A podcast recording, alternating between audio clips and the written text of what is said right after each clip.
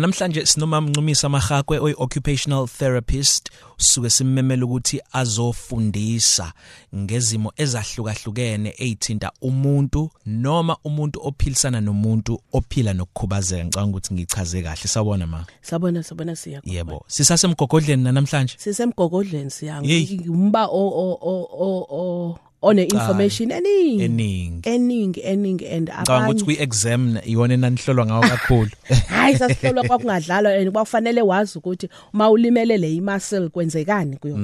sithini ke namhlanje Namhlanje I still on u- u u- u paraplegic. Endifuna ukutsho nje nokuthi lento nikhenda che eqaleni e, ukuthi siya sometimes abantu babuka ukuthi uma solimela umgogodla sekuphelile ngakwena. Okumnandi ke empangeni angisho kuba ngisuka empangeni. Eh izikolo zakhona ziyasirespecta thina even nama services all the department uma uba explainela ndisho ngani eh kunengane eyakhe yalimala i'm sure by then yayino 10 years yebo yalimala umgogodla yasengwelezana and with isupport esasibanika yona umama because umama wayesezitshela ukuthi okoqala ingane yakhe izophuma esikolweni ngeke ibesafunda kanti eh, the, the boy was very intelligent mm. eh sambuyisela esikolweni ephesheya wahamba ehamba ngewheelchair wafunda waqeda wayengoya wow wafunda wa une une une degree lo mfana i'm proud of yena because waqhubeka wafunda and it's one of the thing eyenza ukuthi engoya namhlanje sibe ne disability desk wow because we were pushing ukuthi this is needed mm. for abantu abanjena and fortunately by then eh urector wakhona wasilalela wabona ukuthi really there is a need isekhona njengamanje so ndizama ukuthi ke bantwini ukuthi uma ulimele usesikolweni akusho ukuthi ngeke uphinde ubuyele esikolweni ungaphinda ubuyele isikolo although sisazi kahle ukuthi eh kwizikolo zethu some of them are not accessible kodwa o principal besikolo bayazama ukuthi uma ubacela ukuthi kufanele kwenzeke kanje nanje nanje ba comply because sube bebona i need and ke njengamanje u education uyayifuna indaba ye inclusive ukuthi kube khona inclusive education because akasho ukuthi melimele e- emgogodlweni usekhubazekile akakwazi ubhala akakwazi ukwenza lutho that child fanele afumane ispace eklasini idesika elilingana yena which is what the department lento nisho ngithi i'll speak about impangeni because ngiz applyile empangeni zonke lezo zinto ngafumana a good response usakhona lapho bengisemcimbini naye mdidiyeli wami ubekhona ngesonto elidlule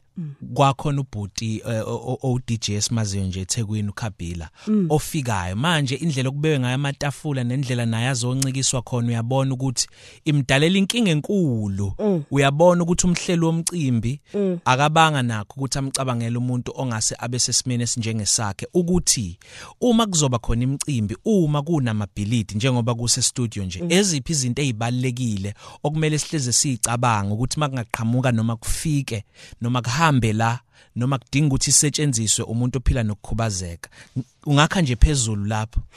ay ngi ngi ngi ngi- ngi bayangazi ke engisebenze nabo kakhulu i was under i leadership ka Dr Haslo eh no Dr Usandile Ushabalala eh no Dr U- Uthandeka eh umbokazi they know uncumisa with i disability mm. and lokho nje with the support ye department yaka health isengu umama u- u- u- u- unkonyeni Upheki. eh upheki yebo eh wayilalela kakhulu wayilalela kakhulu and ebathanda abantu abaphila nokukhubazeka one of the project eseke sa embakha kuyona i will always refer kwi district yami Yep. yeah ekhinqetshwayo yokuthi all the health facilities should be accessible mm. and isakwenza engwelezane mina i'm proud to say mungene engwelezane there is a ramp yabantu abakhubazekile Mm, in- that was done by us into yokubambelela le into yokubambelela ukuthi uma uhamba ngewheelchair unyuka nge- nge- nge- nge- ikhona it's visible kumphakathi Yebo. uma ungena khona esibhedlele ku accessible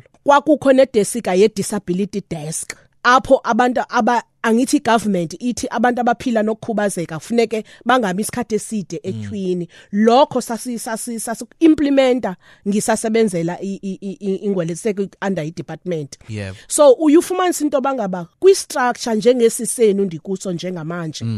uma kungekho umuntu ozo advocate ngo disability into ezinjalo your directors want azinako as ngeke bazinake because akukho umuntu o- o- okhuluma ngalokho Oyihluphayo. abanye kama companies azinaka ngoske kubekho umuntu okubonakalayo ba hayi ngekhe akasakwazi usebenza ngoba le ndawo Yeah. ayimvumeli kodwa ngokomthetho by law eSouth Africa kufanele ukuthi each institution yazi ukuthi iyaba accommodate abantu abaphila nokukhubazeka siyabonga kakhulu ma sicela Okay. usiphe imini- imininingwane yakho ku 07333 628 48 ndiyabulela se siyabonga kakhulu